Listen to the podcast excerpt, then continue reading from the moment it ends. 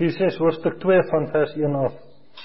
En julle het hy lewend gemaak wat dood was deur die misdade en die sondes waarin julle tevore gewandel het volgens die loop van hierdie wêreld volgens die owerste van die mag van die lig van die gees wat nou in die kinders van die ongehoorsaamheid werk onder wie ons ook almal vroeër gewandel het in die begeerlikhede van ons vlees toe ons die wil van die vlees en van die sinne gedoen het. En ons was van nature kinders van die toren, net soos ook die ander. Maar God, wat ryk is in barmhartigheid, het ons deur sy grote liefde, waarmee hy ons liefgehad het, ook toe ons dood was deur die misdade, lewend gemaak saam met Christus. Uit genade is jy gered en saam opgewek en saam laat sit in die hemele in Christus Jesus sodat hy in die eeue wat kom kan betoon die uitnemende rykdom van sy genade in goeie tierenheid oor ons in Christus Jesus want uit genade is jy gered deur die geloof en dit nie uit jouself nie dit is die gawe van God nie uit die werke nie sodat niemand mag roem nie. Want ons is sy maaksel geskape in Christus Jesus tot goeie werke wat God voorberei het sodat ons daarin kan wandel. So hierdie gedeelte wat ons baie keer gebruik by die ongelowiges is eintlik oorspronklik geskryf vir die gelowiges. Maar met die doel om hulle te herinner waar hulle was en wie hulle was voor Christus hulle gered het.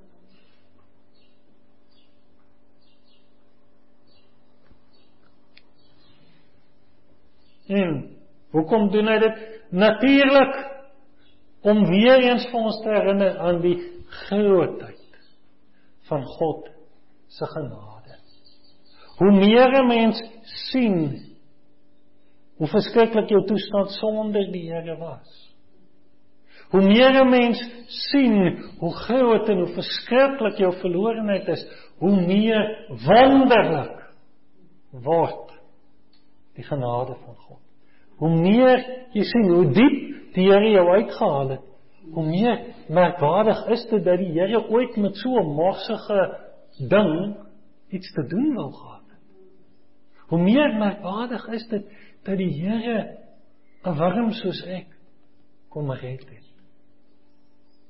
So ons moet nooit vergeet waar ons was nie.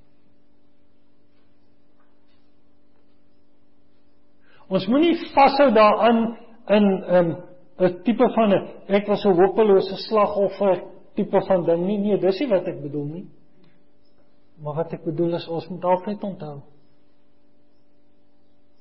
hoe diep verlore ons was. Altyd onthou hoe groot die genade is wat die Here aan ons betoon het vir ons lewend gemaak het.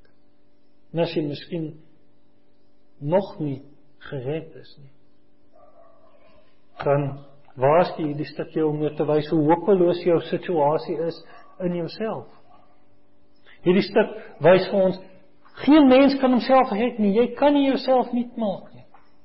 Maar die Here red sondaars. Die Here red dooie mense. Die Here verlos hulpelose mense.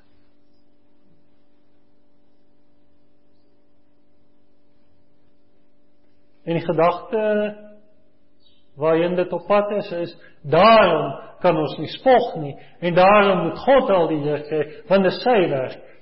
Hy moet alleen vereer word vir redding. Sy lof moet betuig word vir die genade wat hy betoon. Nou die gedagtes in hierdie verse. Vers 1 sê En julle het hy lewend gemaak wat dood was deur die misdade en die sondes. Nou jy sal sien in die ou vertaling het hy lewend gemaak is kursief gedruk. So dit is eintlik in die Griekse grondteks en dit is maar ingesit sodat die sin vir ons in Afrikaans meer verstaanbaar is.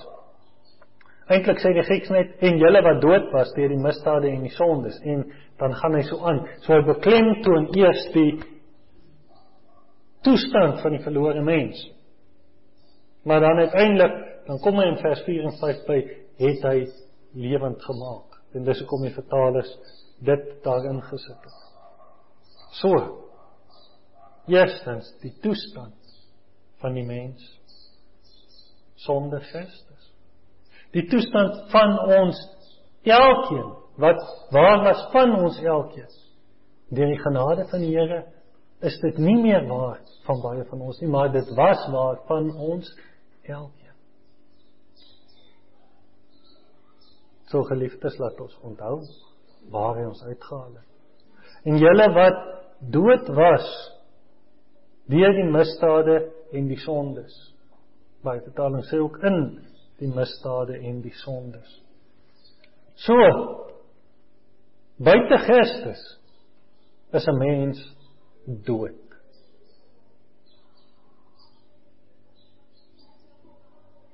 En hoekom is jy dood deur jou misdade en sondes? Nou, dit is duidelik dat daar baie mense is wat buite Christus is, wat asemhaal, wat rondloop, wat lewendig is. So waarvan praat hy hier? Hy praat van 'n geestelike dood. Hy praat daarvan dat jy afgeskei is van die lewe van God, dat dit jou ontbreek aan die heerlikheid van God buite Christus. Die ongelowiges is regtig lopende lyke. Hulle het nie die lewe van God binne in hulle nie. Hulle is geestelik dood. Dis nie te sê dat daar nie geestelike dinge in hulle kan gebeur nie, né? Die geestelike wêreld is daar. Hulle kan geestelike dinge beleef. Die Hindus beleef allerlei geestelike dinge in hulle geestelike eh, dissiplines en godsdienstige rituele. So, dis nie te sê dat daar geen geestelike werklikheid rondom jou is nie. Die punt is jy is afgeskei van die lewe van God. Jy het nie die lewe van God binne in jou as jy ongered is nie. En daai woord lewe kom so gedurig in hierdie gedeelte voor. En dit is so mooi want dit gee regtig vir ons 'n baie mooi beskrywing. 'n Baie mooi perspektief op wat is 'n ware Christen. 'n Ware Christen is iemand wat die lewe van God in hom het. En dis die verskil tussen die gereddes en die ongereddes. Dis die verskil tussen die ware gelowiges en die ongelowiges. Dis die verskil tussen die heiliges en die wêreld. Dis die verskil tussen die weergeborenes en die mense wat maar net kerkmense is. Die ware Christen het die lewe van God binne in. En dis wat die verskil maak. Sonder Christus het jy nie daardie lewe nie. Jy is dood vir God.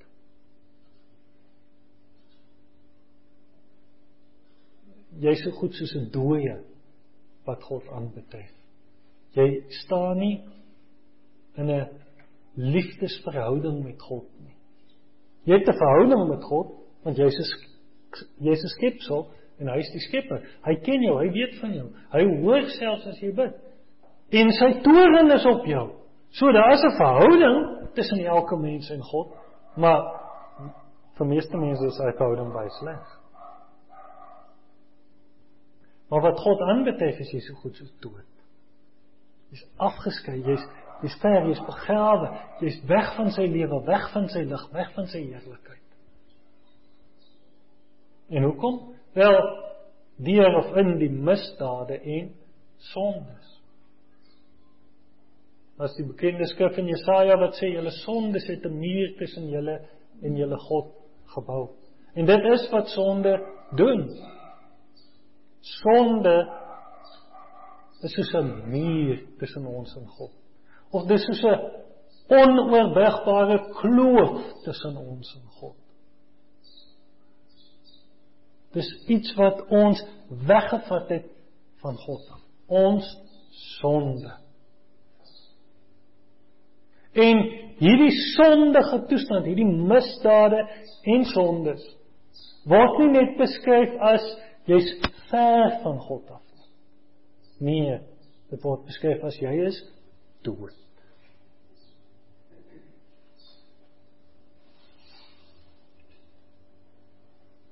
Nou 'n dooie mens kan nie homself lewendig maak nie. So jy kan nie jouself hierdie lewe van God gee nie. Jy kan nie jouself red nie. Jou hele lewe buite Christus is so bevlek en so besmeer van hierdie sonde wat in jou hart is, wat oor jou is, wat so deel is van jou dat daar's nie 'n manier wat jy vir die Here kan dien uit jouself uit buite Christus nie. Daar is net nie 'n manier nie. Jy's dood. En 'n dooie mens kan nie vir God dien nie. 'n Dooie mens kan nie God se lof besing nie. 'n Dooie mens kan nie vir God vereer nie.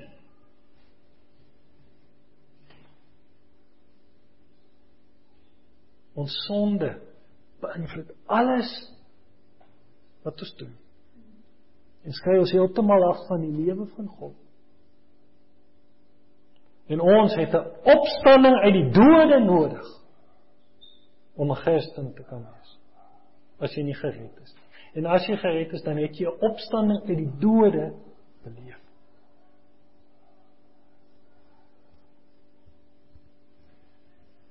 Hy gaan aan in vers 2 om te sê van hierdie misdade en sondes, sê hy waarin julle tevore gewandel het volgens die loop van hierdie wêreld. So eers sê hy waarin julle tevore gewandel het. Hier sê hy daar is 'n baie duidelike verskil tussen geredde en ongeredde mense. Hy sê nie waarin julle nou maar nog steeds wandel nie, hy sê waarin julle tevore gewandel het. So daar is 'n verlede tyd en 'n teenswoordige tyd vir die gelowige. Daar is dit wat agter was of wat agter is, wat nie nou meer so is nie. Ons kan nie net sê o, ek is vergewe en ek is maar dieselfde en ek sondig maar net so baie soos van tevore nie. Nee. Nee, dit beskryf die verlore mens waar jy was voor God jou gered het.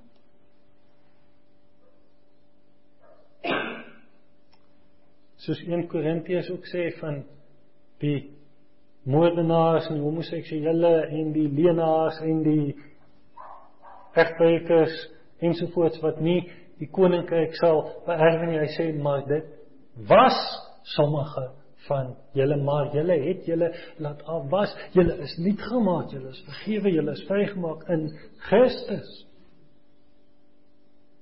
Maar goed, wat herinner hy ons hier en hy sê jy het in die sonde gewandel. Dit beteken nie jy het net af en toe in die sonde gestekel, net so af en toe per ongeluk 'n sonde gedoen nie. Hy sê jou lewenswandel het bestaan uit sonde en misdade. Dit was jou lewe. Dit was waarin jy geleef het. Jou lewe buite Christus was nie goed nie. Dit was nie mooi nie. Nou mag iemand dalk sê maar ek was 'n goeie kerkmens voor my redding. Ek het eintlik maar altyd 'n mooi lewe geleef. Ek het nie gehoreer en gedrink en wat ook al nie. Maar as jy Romeine 1 lees, dan is oorgee en drink nie die eerste sonde wat genoem word nie. Die groot sonde van die mens.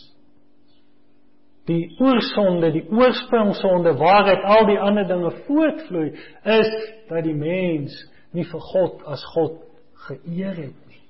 Dat die mens nie vir God in erkenning gehou het nie. Dat die mens nie vir God gedank het en as God aanbid het nie.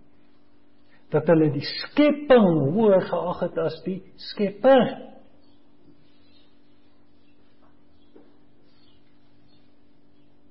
En voor jou bekering weet jy dis baie waar van jou dat daar was 'n duisend dinge in jou lewe wat belangriker was as Jesus. Of jy nou mooi geleef het volgens die wêreld of sleg geleef het, jy het die Here gedien nie. Jy het die Here liefgehad met jou hele hart nie. Jy het die Here van harte geëer nie. God was as hy iewers op jou lys was, was hy maar laag op jou lys. En die Bybel sê dit wat nie uit die geloof uitkom nie, is sonde. So jou hele lewe was 'n lewe van ongeloof en sonde. Of dit nou woes was en of dit nou beskaaf was. Jy het gewandel in die sonde. En ons moet net afval te veel so maak jy ons weet mense ons weet dit van onsself en ons weet dit van ander mense hierdie storie van mense wat so goed is sonder die Here is nie afgelees waar nie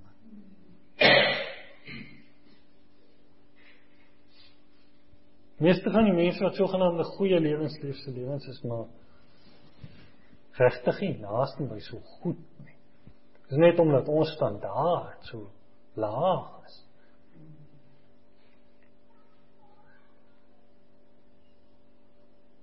So. Voor jou bekering het jy gewandel in die sonde en misdade. En dan sê hy volgens die loop van hierdie wêreld.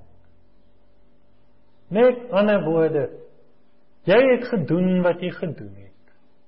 Maar soos die wêreld. Maar volgens die wêreld.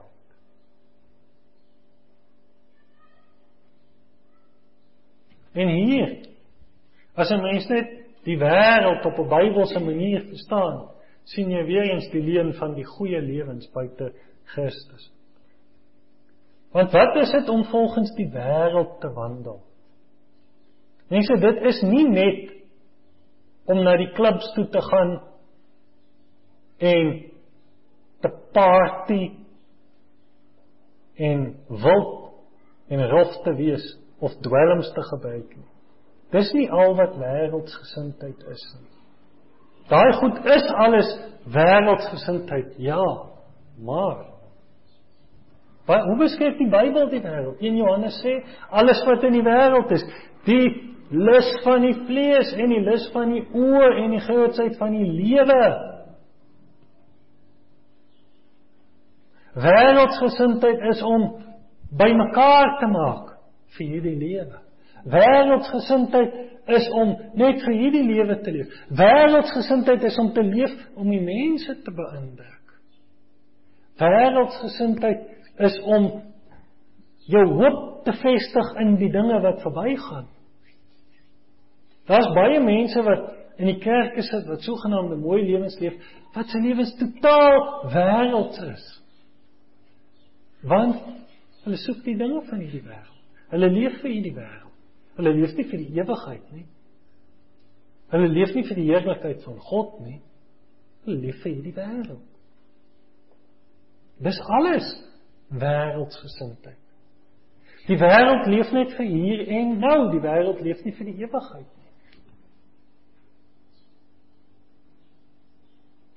En natuurlik is die verlore mens soos klei in die hande van die wêreld.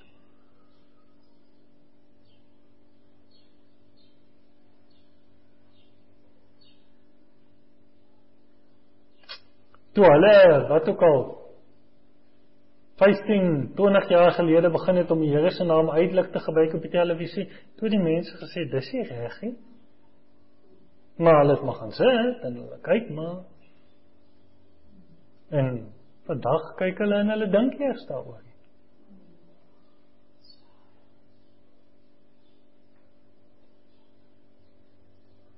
30 jaar gelede was daar min mense in hierdie land wat ooit eers sou gedink het aan die moontlikheid dat twee mans met mekaar kan trou. Vandag gebeur dit. En die mense sê dis reg, dit moet so gedoen word. Moenie iets sê daaroor nie, dan is jy verkeerd. Soos die wêreld van opinie verander, so gaan die sondags maar net agterna. Wat ook al in die tydskrifte kom, wat ook al in die koerante verskyn, wat ook al op die televisie verskyn, dis maar net reg. Drink dit maar net in, drink dit maar net in. Dink maar so, maak maar so. Dis hoe die sonde aangaan. Word jy die wêreld beheer. Nou wat is die groot probleem daarvan? Jakobus 4 sê vriendskap met die wêreld is vyandskap teen God. Hy wat 'n vriend van die wêreld wil word, word 'n vyand van God.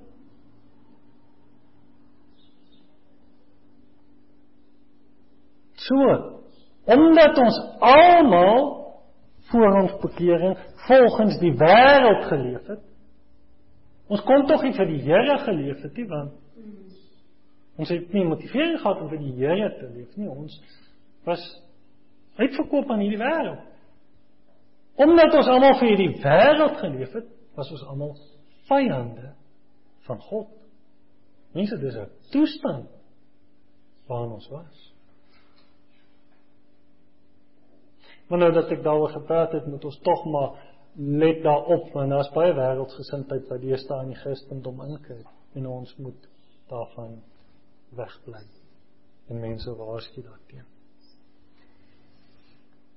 Vrede sê van die verlore mens in die middel van vers 2 volgens die owerste van die mag van die lig. Met ander woorde, hulle het gewandel volgens die owerste van die mag van die lig. So nie net jy geloop volgens die wêreld nie, nie net as jy deur die wêreld in die neus rondgelei nie, jy is deur die owerste van die mag van die lig rondgelei. Jy het hom gevolg. Nou wie is hy? Die res van die vers wys vir ons van die gees wat nou in die kinders van die ongehoorsaamheid werk. So duidelik praat hy hier van die Satan, die misleier, die slang, die duiwel. Hy is die gees wat nou in die kinders van die ongehoorsaamheid werk. So agter die lewenswandel van 'n verlore mens sit daar meer as net die mens self. Daar sit 'n gees, 'n magtige gees, die owerste van die mag van die lig. So 'n groot en 'n sterk gees Moenie die duiwel gering skat nie. Hy's groot en hy's magtig. Die Here is hy niks, maar hy is groot en magtig in vergelyking met die mens. Hy's die owerste van die mag van die lig. En hy beheer die ongelowige. Nie in die sin dat hy maak die ongelowige sekere dinge doen nie, Behalwe miskien as iemand nou demoon besete is, maar soos wat hy hier sê, volgens die loop. Met ander woorde, die ongelowige loop agter die duiwel aan. Hy leef om die wil van die duiwel te doen. Hy dink hy hy hy's so trots op sy eie vryheid, op sy eie onafhanklikheid. Ek's my eie mens. Niemand sê vir my wat om te doen nie. Die duiwel lag vir jou, sê jy is besig om te doen wat ek wil hê jy moet doen. Selfs daardie ek is my eie mens. Ek laat my nie vertel nie. Wat is dit? Dis dieselfde rebellie en opstandigheid van die duiwel. Wat hom nie aan God wil onderwerf nie.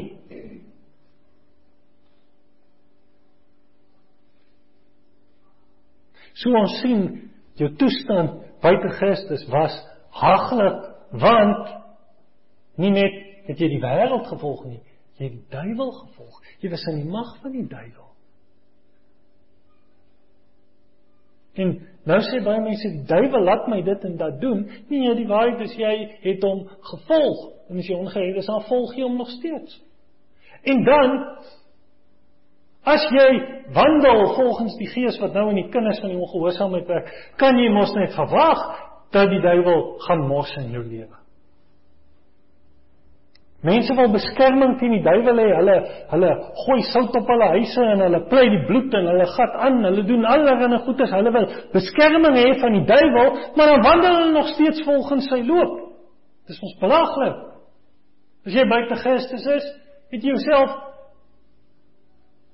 oopgemaak, oorgegee vir die duiwel want jy is in sy heerskappy, jy is in sy mag.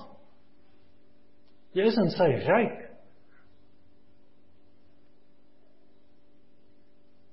En hulle wat dink hulle kan die duiwel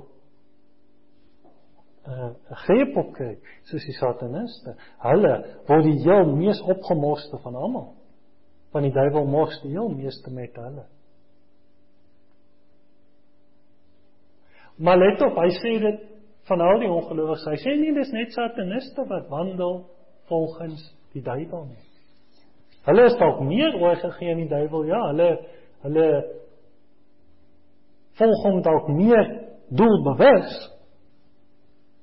Maar dis waar van almal van ons. Ons het gewandel volgens die owerste van die mag van die lig, volgens die gees wat nou in die kinders van die ongehoorsaamheid werk. Volgens daai opstandige ongehoorsame gees het ons almal gewandel.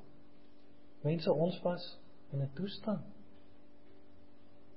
En dan sê hy daar die gees wat nou in die kinders van die ongehoorsaamheid werk. So hy beskryf die verlorenes met hierdie uitdrukking, die kinders van die ongehoorsaamheid. Nou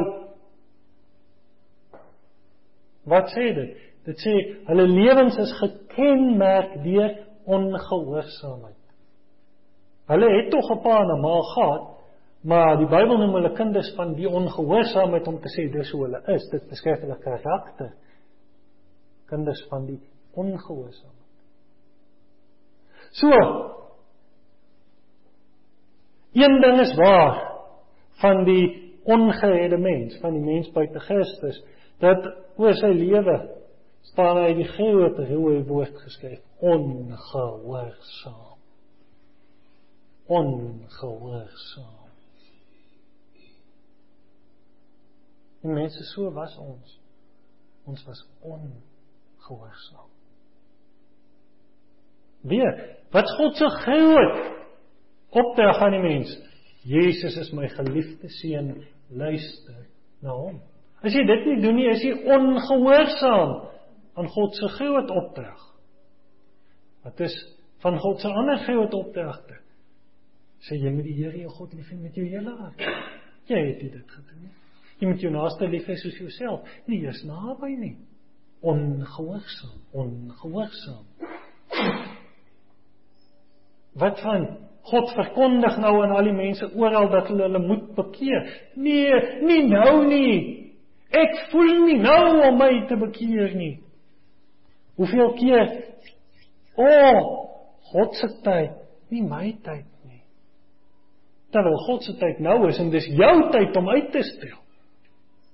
Ongehoorsaam, ongehoorsaam. En weer sê die Bybel, hy wat die seun Hy wat nie seun glo het die lewe, maar hy wat die seun ongehoorsaam is, sal die lewe nie sien nie, maar die toorn van God bly op hom. Mense, wat 'n toestand en hy's nog eers klaar nie. Vers 3 sê onder wie ons almal ook vroeër gewandel het. So hy sê dis waarvan ons almal Jood en heiden, apostel en wie ook al anders. Ons was almal so. Hierdie Paulus, onthou, hierdie Paulus skryf op 'n ander plek dat hy sy hele lewe met 'n skoon gewete voor God geleef en tog weet hy hy het gewandel volgens die wêreld. Hy het gewandel in ongehoorsaamheid. Hy is baie bewus daarvan dat hy 'n groot sondaar was. Mense, as jy dit nie bewus is daarvan is jy net blind. Dis al. So dis waarvan elke mens tot jy weer gebore is, jy is in hierdie verlorenheid en hierdie doodsheid van die sonde en die mag van die sonde, jy is in 'n toestand en ons was almal As jy in die begeerlikhede van ons vlees, die jou lewe deur jou vleeslike begeertes beheer is. Die jou lewe beheer is deur jou eie drange en luste. Jy het gedoen of jy lus was.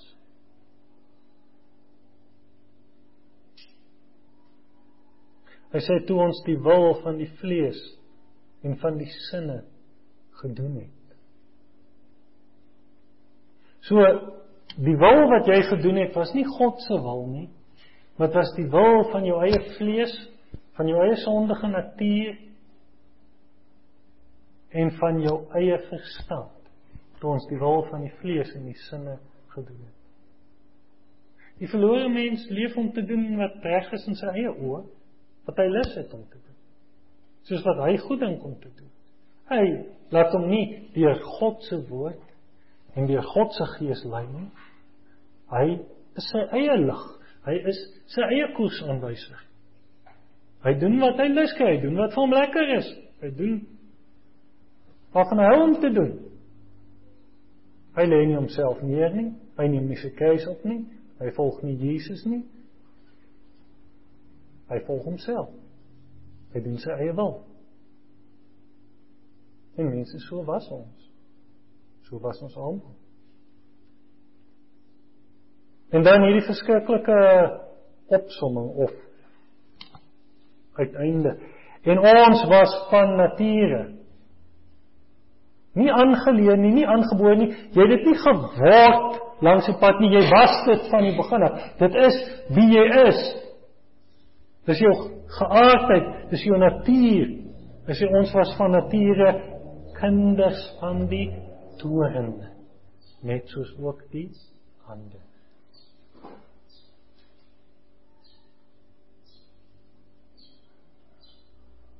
Ons was van nature Met ander woorde, dis wat ons natuur uitgelok het. Dis wie ons was. Dit is ons kon nie onsself anders maak nie. Dit is wie ons werklik was aan die binnekant. Kinders van die toren met ander woorde, mense wat God se woede uitlok. Mense wat God se straf verdien. Mense wat onder God se grimmigheid leef. Mense wat vir God kwaad maak. ons lewens en ons self het vir God kwaad gemaak. Ons misdade en ons sondes, ons eie hardkoppigheid, ons eie sinnigheid dat ons ons eie wil gevolg het en ons nie laat sê ek deur hom nie, het God se woede uitgelok. En ons was dit van nature, dis hoe ons gebore is dit is wie ons is.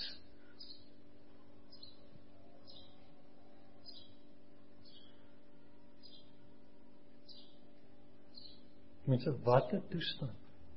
Nou dit sê vir ons 'n klomp dinge, dit sê vir ons die verlore mense met wie ons werk is baie meer verlore as wat ons besef.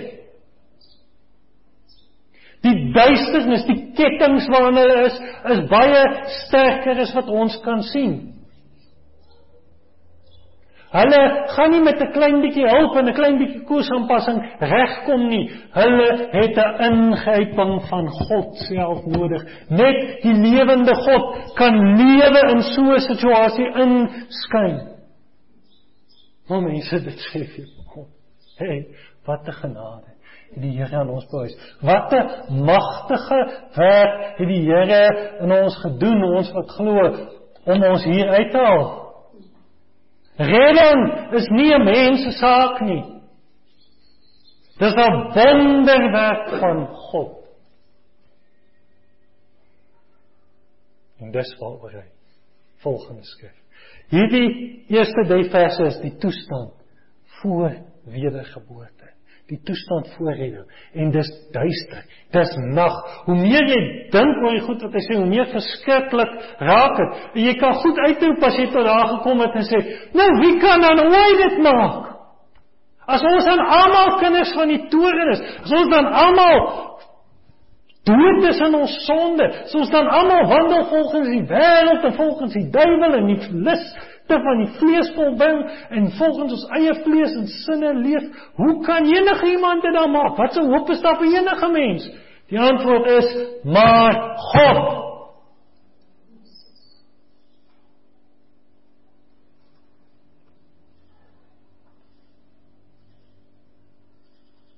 Ons is net van nature duisternis, verlorenheid, doodsheid, sonde, misdaad. En mense laat ek dit net sê voor ek aangaan. Hy beeld nie hier die sondige toestand van die mensheid as iets van dis nou maar wat ek van Adam geërf het en ek kan nie eintlik help dat ek so is nie. Hy beeld dit uit as rebellie, opstandigheid, ongehoorsaamheid. Ons was misdadigers. Maar sy fokus hier is ons was dood sonder mag om onsself te help.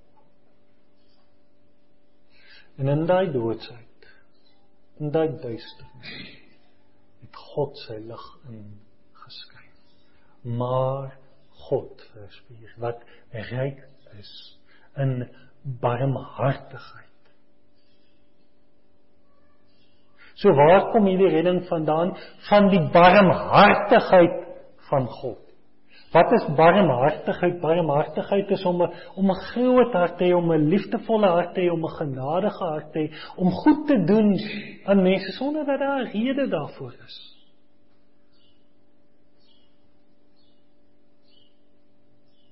So redding begin by God se barmhartigheid.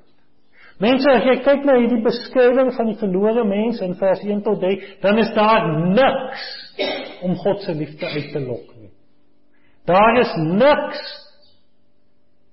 in dit wat hy beskryf van die verlore mens wat sal sê wat God sou beweeg na sê, "Ai, ek wil tog maar daai mensies um lief hê want kyk hulle doen nou so en so maar maar kyk hulle het al hierdie ander goeie eienskappe." Dit is nie daar nie.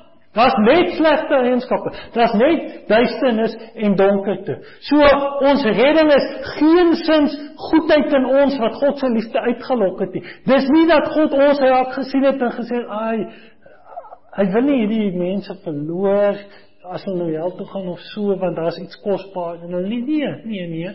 Daar was niks in ons om God se liefde uit te lok nie. In ons is daar duisternis en sonde, maar hy het in sy eie barmhartigheid besluit om mense te hê. So ons hele redding kom absoluut uit God se karakter self uit. Kom van God self. Ons het niks gedoen om dit uit te lok of te verdien nie. Dit kom uit sy barmhartigheid en uit sy liefde want hy sê maar God wat ryk is in barmhartigheid het ons deur sy groote liefde waarmee ons waarmee hy ons liefgehad het. So God is ryk in barmhartigheid en hy is groot in liefde. En hoe stel hy dit tentoon? Deur sondaars te red. So ons redding kom van God se barmhartigheid en sy liefde. Hy het self besluit Ons het niks gedoen om dit te verdien nie. Dis absolute suiwer genade en goedheid hierdie. Daar's geen bydrae van ons kant af nie. Nou meer jy dit verstaan, meer wonderlik is dit. Die mens wil so graag geroem, die mens wil so graag maak of hy oulik en goed is.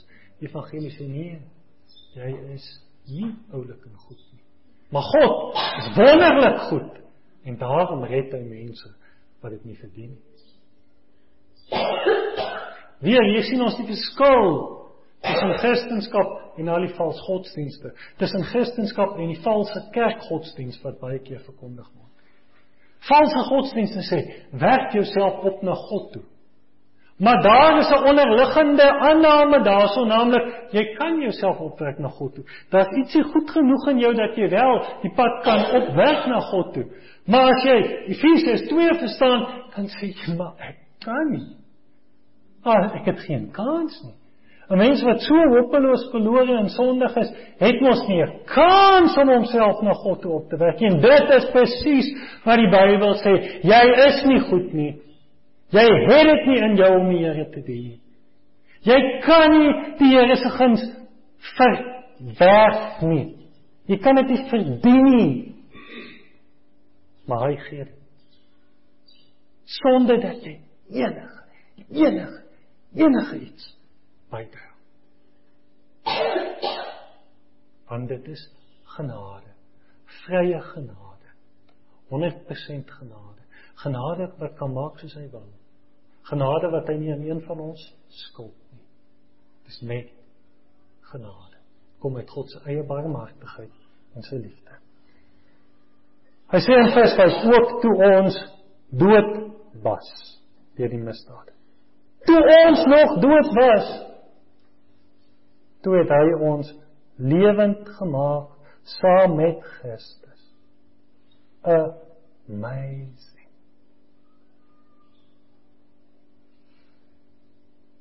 Jesus Christus het gesterf.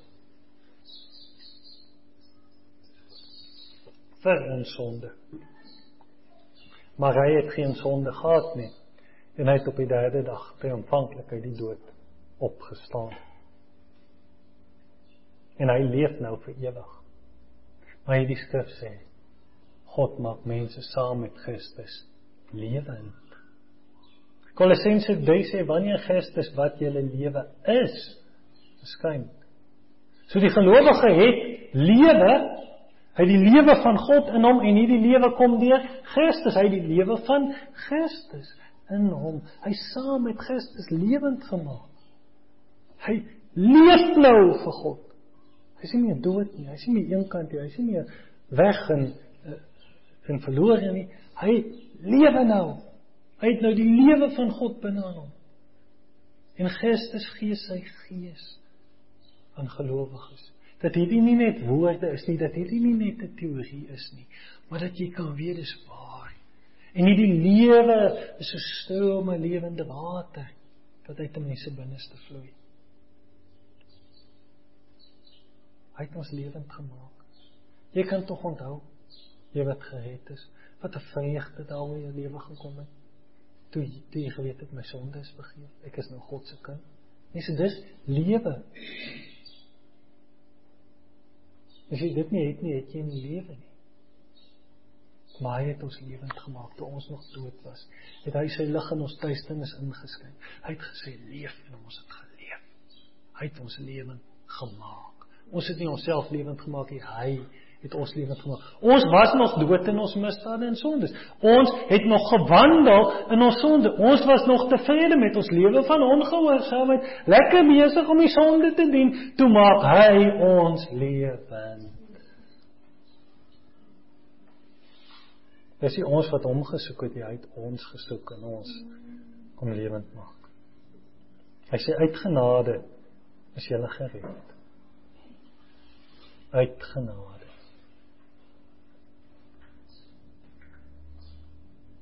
En nie net maak hy sondaars lewend nie. Hy sê in vers 6 en saam opgewek.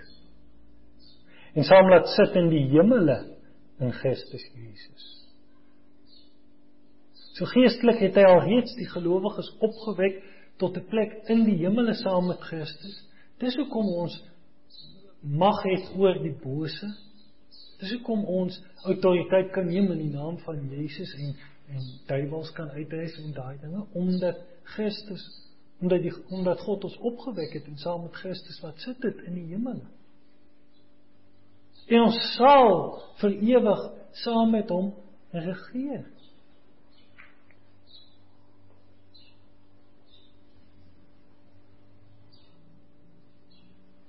Nou die dag in 'n boodskap wat ek luister nou praat die ou so van hoe mense so mooi godsdienstig sê ons gaan al ons krones voor die Here neerwerp in die stof. Toe sê hy die krone van die Bybel is nie medaljes nie.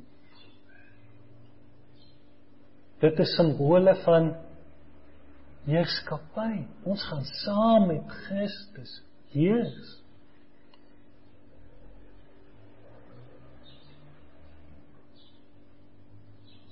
Ons te koninkryk beerwe saam met hom en ons sal dit beerwe.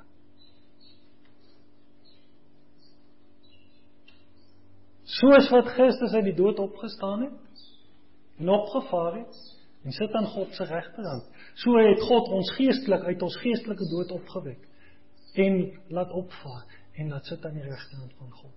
En eendag ag aan die regterhand van Christus en eendag sal ons saam met hom regeer.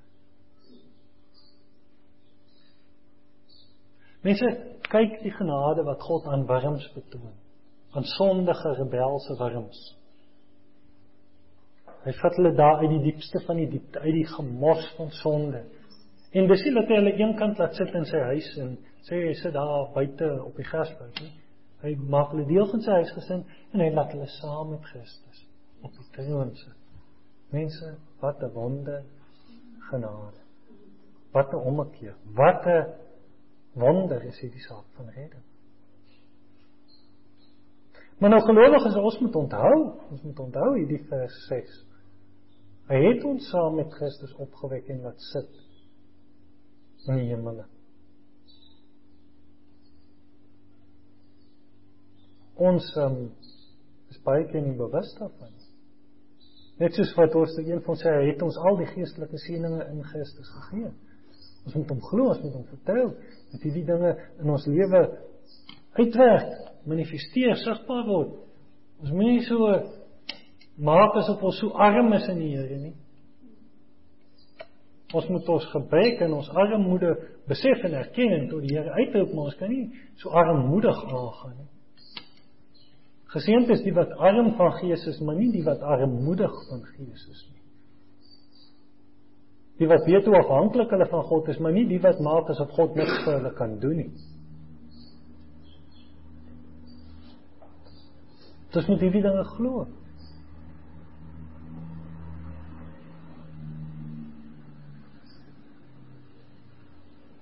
Maar dan kom ons by die diep vers.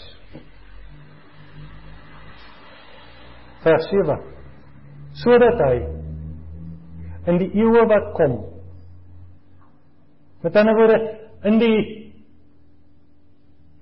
tyd wat gaan aanhou vir altyd en altyd. In die eeue, in die eeue, in die eeue wat kom, sodat hy in die eeue wat kom kan betoon die uitnemende rykdom van sy genade in goeie tierenheid oor ons in Christus Jesus.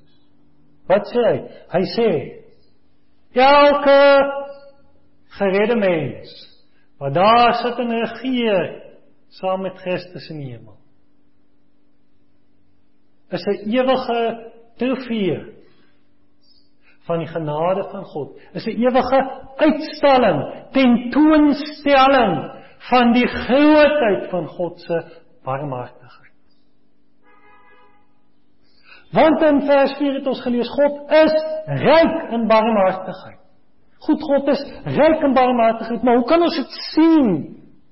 Hoe gaan dit bekend gemaak word? God is verseker in sy karakter ryk in barmhartigheid. Al het hy nooit een siel gered nie, was hy nog steeds ryk in barmhartigheid, maar hy het gekies om die rykdom van sy barmhartigheid, die grootheid van sy genade Die omvang van sy liefde. Hy het gekies om dit tentoon te stel, om dit bekend te maak aan die heelal op watter manier deur sondaars te red en saam op te wek en hulle saam met Christus te laat regeer. So jy word gered. Jy word gered word. Jy word gered sodat jy uitgestal kan word. As nog 'n voorbeeld van hoe groot die rykdom van God se barmhartigheid is. Hoe ryk en hoe heerlik daardie barmhartigheid van God is. Jy word nie in die eerste plek gered omdat sodat jy 'n lekker lewe kan hê nie. Jy word nie gered omdat jy dit verdien nie, verseker nie. Jy word nie eens in die eerste plek gered om hemel toe te gaan nie. Jy word in die eerste plek gered sodat die hele al kan sien hoe groot God se genade is. En dis absoluut God se soewereine keuse. Hy het self besluit om dinge so te beskik. Hy het nie besluit om dit vir die engele te doen nie. Ons was minder waardig as die engele. Maar hy het besluit om dit vir ons te doen, vir die sondaars. Mens sê dit is 'n diep saak. Hoekom sê ek is 'n diep saak, man? Selfs die sondeval speel 'n rol hier.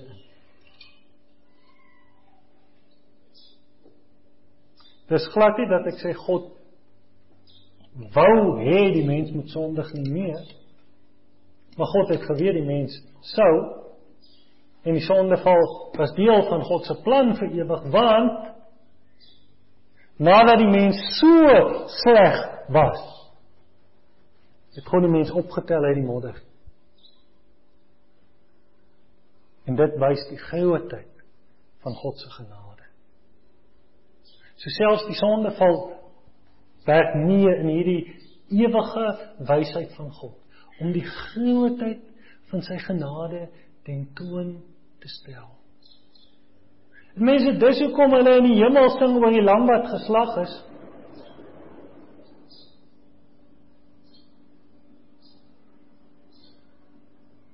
Want die groot saak wat in die hemel bewonder word, is hierdie saak dat God sy seun gestuur het om sondaars te red. Dis die dinge waarin engele begeerig is om in te sien. Engele stel nie belang in 'n uh, geneesmiddel vir kanker nie.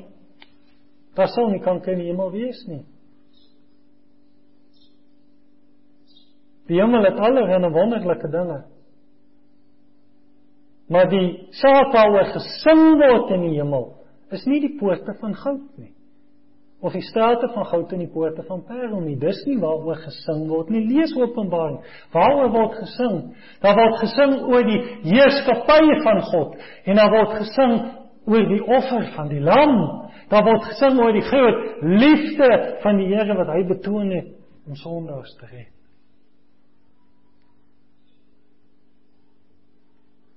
Mense, wat kan 'n mens anders sê as dankie dat die Here jou gekies het as een om hierdie genade van hom tentoon te stel. Mense, dis 'n diep en 'n kosbare en 'n wonderlike saak.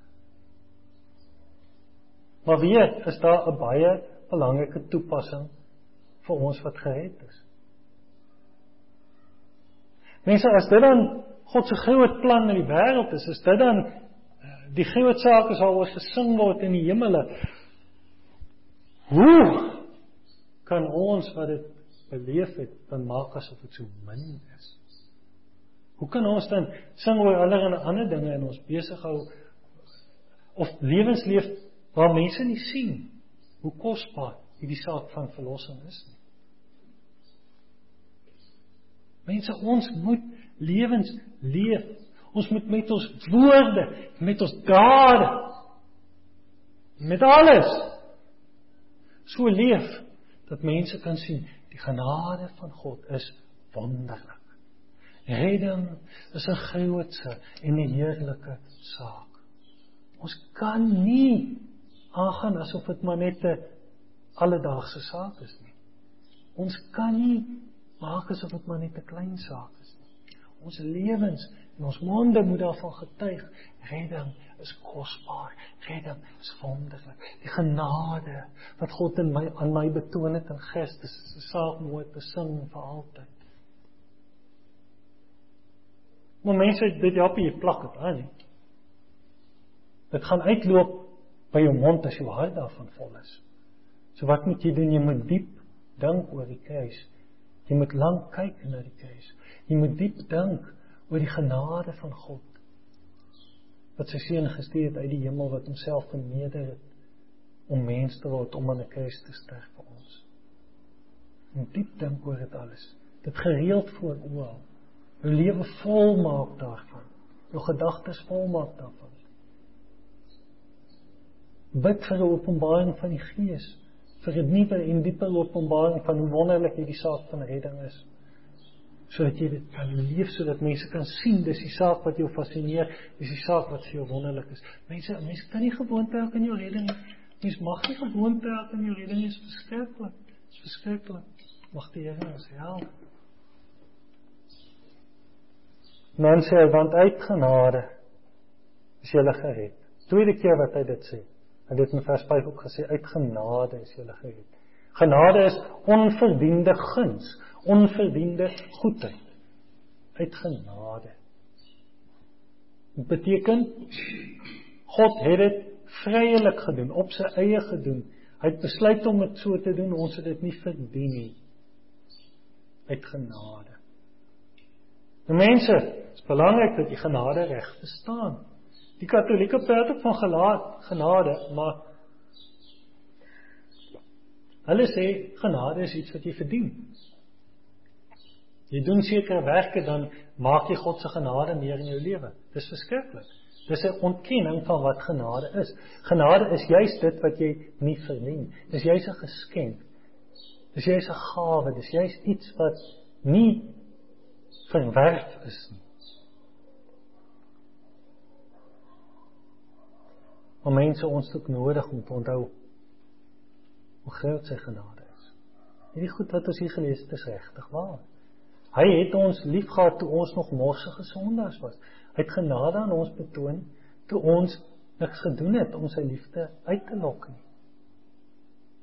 Ons moet dit onthou, hy het ons gered toe ons sondaars was.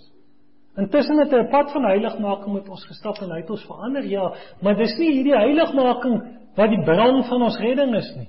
Dis nie hierdie pad wat hy nou met ons stap wat maak dat ons sy genade verdien daai tyd nie. Dis alles die gevolg van sy genade. So wat sê ek? Ek sê hy het ons liefgehad toe ons niks gedoen het om sy liefde uit te lok nie. Hy het genade vryelik aan ons betoon. Genade is 'n vrye saak, dis 'n is 'n ryk saak, dis 'n dis 'n saak van goedheid sonder verdienste. En ons moet oppas vir die ding van wil verdien en wetties wees en probeer werk vir rede nee nee nee. En as ons na ander mense kyk met ons genade onthou. Hulle verdien nie redding nie, hulle sal dit nooit verdien nie, maar jy verdien dit vandag nog nie. Dis net genade. Maar genade is so ryk en so vry en so groot en so wonderlik. Genade is so groot dat dit sulke dooie mense soos van wie ons gelees het lewendig maak. En God doen dit vandag nog. En hy kan enige dooie sondaar lewend. So mense, verlustig jou in sy genade, onthou sy genade. Wanneer ons probeer werk, dan skryf ons genade op sy en dan vat ons onsself eintlik uit die genade uit. Dis so stupid. Wanneer mense begin dink jy gaan jou eie werke bydra tot jou redding. Want al wat jy doen is jy begin jou redding wegkalwe, wegvat. Want jy kan dit bydra. Aanvaar dit net. Wees net dankbaar en bly en juig en, en bid dat God se genade nog mense sal bereik. Uit genade is jy gered. Deur die geloof. Baie belangrik. Die mense sê so maklik God se genade is genoeg vir almal nie. Julle word gered deur die geloof. Dit is uit genade. Die genade is genoeg vir almal, ja, maar net die wat glo sal gered word.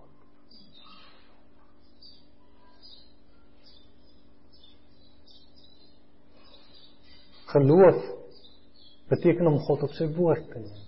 Beteken om die evangelie te hoor, te glo wie Jesus is en te glo wat hy sê en net daarop te staan. Om saam te stem met die Here, om nie sy woorde in twyfel te trek nie, dis geloof. En die veldste swakste morsigte sondaar, die oomblik wat hy glo, die oomblik wat hy die evangelie hoor en glo en daai oomblik word hy vrygespreek, hy word gered, hy kry die lewe. Want dis nie 'n saak van verdienste nie. Dis nie 'n saak van jy werk daarvoor nie. Dis genade. En daarom, wie ook al jy is, as jy hier is en jy's on, ongered, God kan jou nou red. Jy moet net in Christus glo, op hom vertrou, hom aanhang en hom vasklou nie sal leef. En onthou, geliefdes, ons redding is uit geloof tot geloof. van geloof tot geloof. Dit bly 'n geloofsaak tot die einde toe. Verander nie in 'n ander soort saak nie, dit bly altyd 'n geloofsaak. Al wat jy moet doen om gered te word, is jy moet glo in Christus, volhard in die geloof in Christus. Hy sê en dit nie uit jouself nie, dit is die gawe van God. Nou die kenners sê dat ehm um, waarna hy verwys hierso is redding. Dit klink as jy die sin lees of dit net na geloof verwys, maar dit is eintlik die hele saak van redding. Redding deur die geloof. Dit is die gawe van God. Dit is nie uit jouself nie. Jou redding kom nie uit jouself nie. Dit is 'n genade geskenk van God. Jy het niks gedoen nie en niks bygedra. Hy sê nie uit die werke nie. Genade kom of redding kom nie deur werke van die wet nie. Redding kom nie deur godsdiens nie. Dit kom nie deur godsdienstige werke nie. Dit kom nie deur 'n sogenaamde mooi lewe nie. Dit kom nie daardeur nie. Hy sê dis nie uit die werke nie. Dis nie geloof plus werke nie. Dis geloof en nie werke nie. Jy kan nie twee meng nie. Jy kan nie 'n kombinasie vat nie. Jy kan nie sê 90% werk en 10% ag 90% geloof en 10% my eie werk nie. Nee. Dis alleenlik uit genade, alleenlik deur die geloof en nie deur die werke nie. Sodat niemand mag roem sodat niemand kan staan en sê ek is smart want ek is 'n Christen. Ek is oulik want ek is 'n Christen. O, God het aan my genade betoon want ek het die Here gesoek en ek het so en so. Nee, nee, nee. Ek is sleg. Maar hy is goed. En hy het my gevind en hy het my liefgehad en hy het my lewend gemaak prys sy naam, al die eer aan hom. Ek kan maar net my mond hou. Ek kan maar net buig, my gesig in skaamte laat sak. En my verlustig in sy redding en hom loof en prys. En mense baie van jou gesange het hierdie waarheid so mooi vasgevat en jy hoor dit maar min in moderne gesange. Alas and did my savior lead. And did my sovereign die? Would he devote that sacred head for such a worm as I? Of die lied wat ons gesing het, When I survey the wondrous cross on which the Prince of Glory died, my riches gain I count but loss, and all content on all my pride. Hoe kan ek na die kruis kyk en nog trots wees? Hoe kan ek na die kruis kyk van Jesus en nog roem oor iets wat ek gedoen het? Hoe kan ek na die kruis kyk van Jesus en nog spoggerig wees oor enigiets? Dis walglik. Sy kruis sê ek is nie goed genoeg nie. Sy kruis sê ek is 'n moordenaar en 'n misdadiger. Ek moes daar gehang het. Maar hy het daar gehang vir my. Hoe kan ek nog spog? Hoe kan ek nog trots wees? Hoe kan ek my nog beroem aan alles wat net 'n geskenk en 'n genade van God is? Ek moet aan hom die eer gee. Ek moet aan Jesus roem.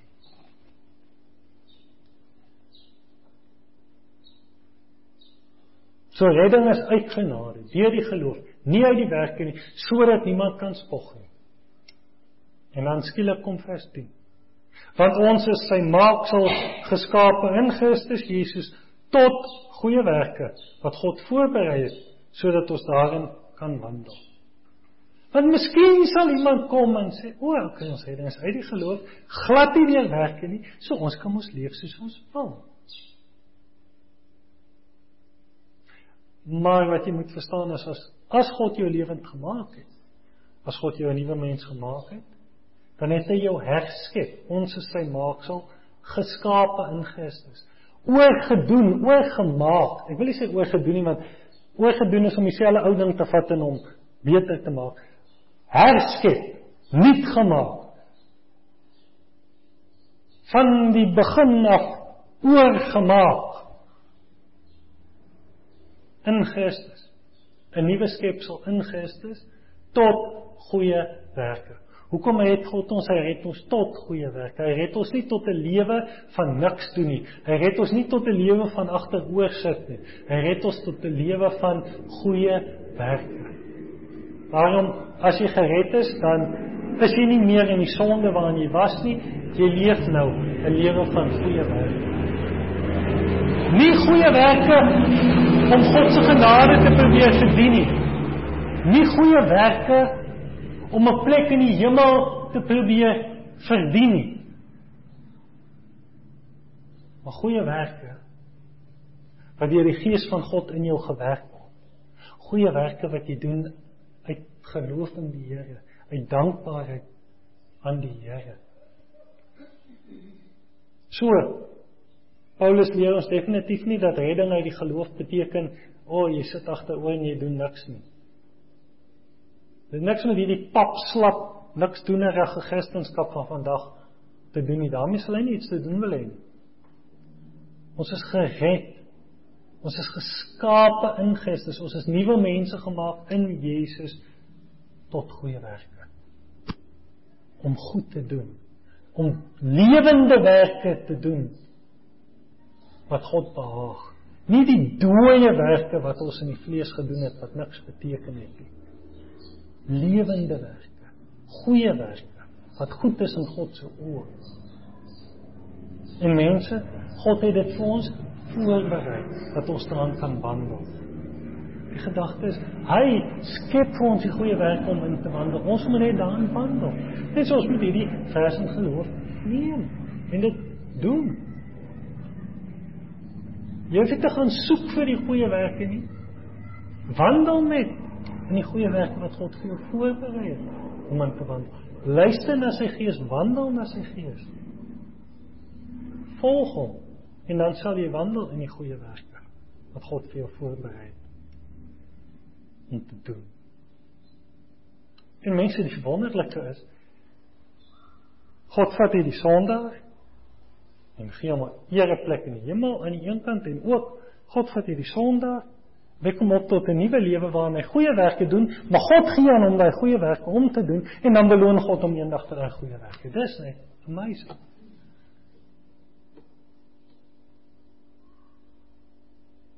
So, wanneer God iemand het, dan maak hy waarlik nie en as hy waarlik nie gemaak is dan wys dit in jou lewe.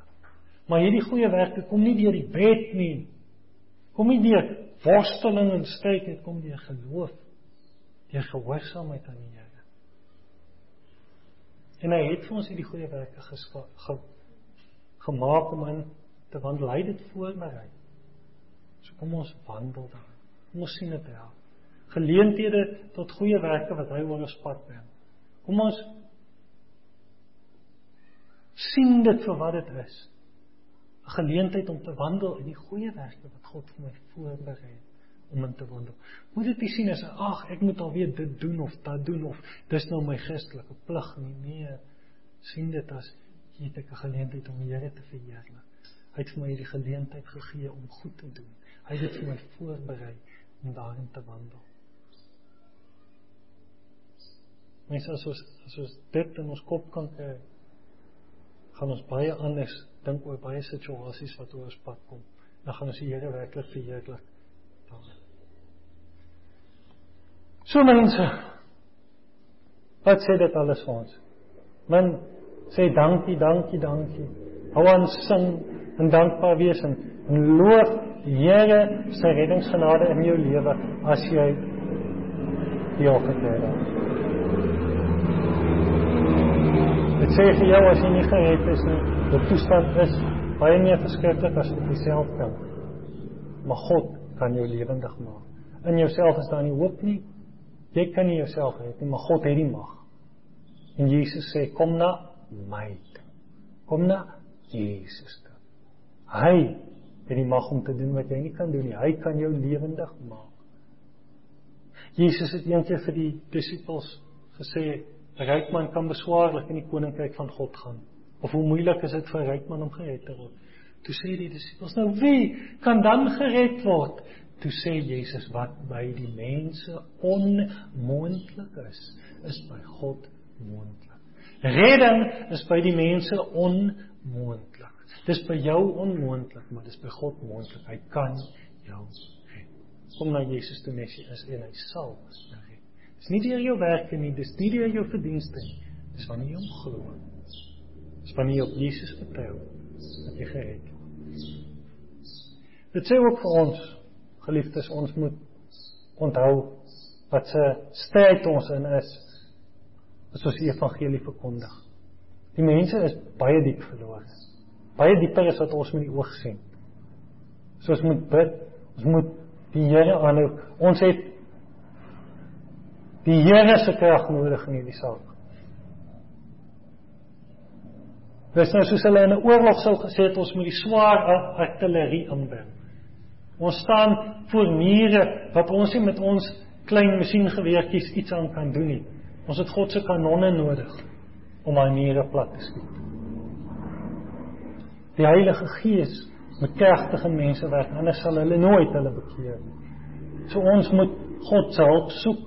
Ons moet die Here aanhou en mense ons sal definitief meer ernstige Here moet aanhou. Meer ons afhanklikheid van die Here moet besef. Hom meer desperaat moet aanhou totdat hy help, totdat hy intree. Dat die situasie kan verander in die plek. Want net hy kan die mense lewendig maak. En ons moet die evangelie verkondig. Ons het se krag nodig om aan te hou om getuies te wees te midde van 'n bose wêreld. Mense sondaars wat so lyk. Dis nie lus vir die evangelie nie. Hulle soek nie die evangelie nie. Jesus sê ons uit soos skape is nie wolwe. Soos lamme is nie wolwe. En ek het nou al 'n paar jaar terug gesien wat 'n wolf hond aan 'n lammetjie doen. So wat nog te sê van 'n wolf? Mense, ons het die Here se krag nodig as ons wil volhard in hierdie stryd. Maar hy het meer as genoeg krag.